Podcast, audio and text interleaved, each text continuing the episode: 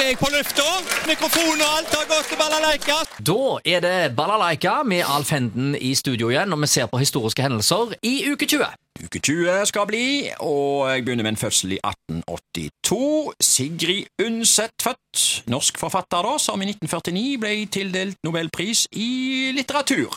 Mest kjent vel for trilogien om Kristin Lavransdottir. Men jeg, du, jeg husker en høytlesning jeg, i norsktimene på skolen.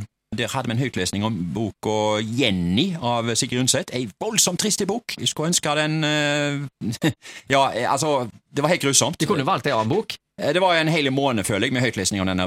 Det var grusomt kjedelig, da. Men ok. Skulle være høykulturelt, vet du. Ja. Skulle det. Uh, hun havna forresten, hun Men vi skal jo ikke ha det gøy. Sigrid Undset er forresten verdt 500 kroner. Det var iallfall uh, 500 lett pengeseddelen hun havna på. Ja, nettopp. Ja. Og så tar vi en fødsel i 1956. Måler oss i forfatterskapet. Ingvar Ambjørnsen født, norsk forfatter da. Eh, Kjent for, eh, i alle fall kjent for bøkene om Pelle og Proffen. Det er jo Flere av de er jo filmatisert. Døden på Oslo S var jo gjennombruddet der. Og så er han jo selvfølgelig kjent om bøkene om Elling. Eh, Jeg vet ikke hvor mange dere har kommet av dem i film, men ganske mange. Eh, Og eh, det er ja, veldig, veldig kjente og kjære bøker. Hendelser internasjonalt. Vi går veldig langt tilbake i tid til å begynne med her. 1498. Vasco da Gama ankom Calcutta i India. Og så tar vi 1873. Levi Strauss og Jacob Davis tar patent på blå jeans med kobbernakler. Oi, såpass. Ja, ja, ja. Vi går til lokale hendelser her. Kino i uke 20. 1995. Der gikk filmen eh, Edda, da. Der gikk filmen Dum og dummere. Med Jeff Daniels og Jim Carrey. Eh, Da kommer det en oppfølger der, gjorde det ikke det? Eh, Jo på Dum og dummere. Ja. Ja. Eh, I kinoannonsen så sto det eh, 'Det den ene ikke har, mangler også den andre'. Ja, det, var ja, jo, det var jo som sagt i tittelen her 'Dumme, dumme og dummere'. Artige filmer. Ja, det. Sjekk filmen Walt Disneys Løvenes konge. Det var jo en animasjon da, med norsk tale. Og så gikk filmen Store gutter gråter ikke. Eh, I kinoannonsen så sto det åtte gutter med tre ting felles. Dop, kriminalitet og lange dommer.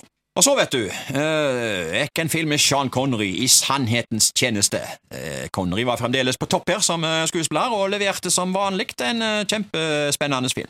Dette var altså Kinemenyen i 1995. Og så går vi til år 2000. Haugesunds Avis skrev Skuddpremien på rødrev i Haugesund blir økt fra 400 til 500 kroner per felt rev. Og det første du gjorde da, det var å finne fram hagla og ta deg en tur ut i skog og mark. Ja, jeg har heldigvis aldri kunnet brukt noe gevær. Eh, Det er jeg glad for å si. Er du har- bedre på gevir, kanskje? ja. Men du, dette her med skuddpremie, eh, det er, liksom, det er jo blitt et sånt begrep. altså Skuddpremie på han og skuddpremie på den. og Det er jo eh, blitt et begrep, egentlig. Ja. Eh, Og det er jo litt sånn som vi snakket om i går. i Vekk hvor du bor når du synger til dommeren. Eh, Å ha skuddpremie på den og den, eh, det er vel egentlig litt sånn innenfor, er det ikke det, i språket? Du mener jo ikke det bokstavelig. Nei, men det er ikke alle som forstår ironi heller, vet du. Nei, ok. Men vi holder oss litt til revær her. 2001. Haugesunds Avis skrev I dag morges starter rivingen av den gamle utstillingshallen på Flåttmyr. Revehallen ble bygget i slutten av 1930-tallet som utstillingshall både for pelsdyr og andre husdyr, og kostet den gang 25 000 kroner.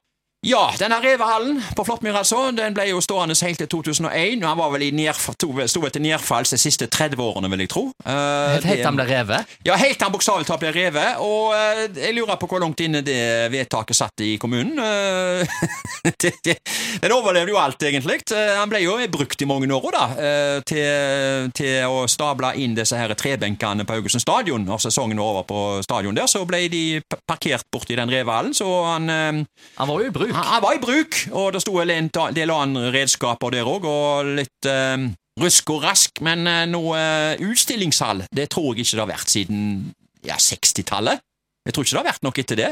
Nei, mulig det. Så, uh, men det er mye nostalgi, for uh, det er mange som snakker om Revehallen en dag i dag, og men hva skal vi si at de reiv Revehallen? Var det et vedtak som uh, vi godt kunne tenkt oss uten? At vi kunne gjerne hatt Revehallen der ennå? Ja, ja, ja. Eh, Bygde han opp, restaurerte han litt og gjort noe med han, istedenfor å bare rive? Ja, så det er jo ikke bygd noen ut, så Nei, det er jo ikke bygd noen ut. Nei. nei. nei. Så da er det egentlig bare én ting å spørre om. Ja. Bevaring av revehallen! Ja, Hot or not? ja, det hadde vært hot, altså. Det hadde vært hot.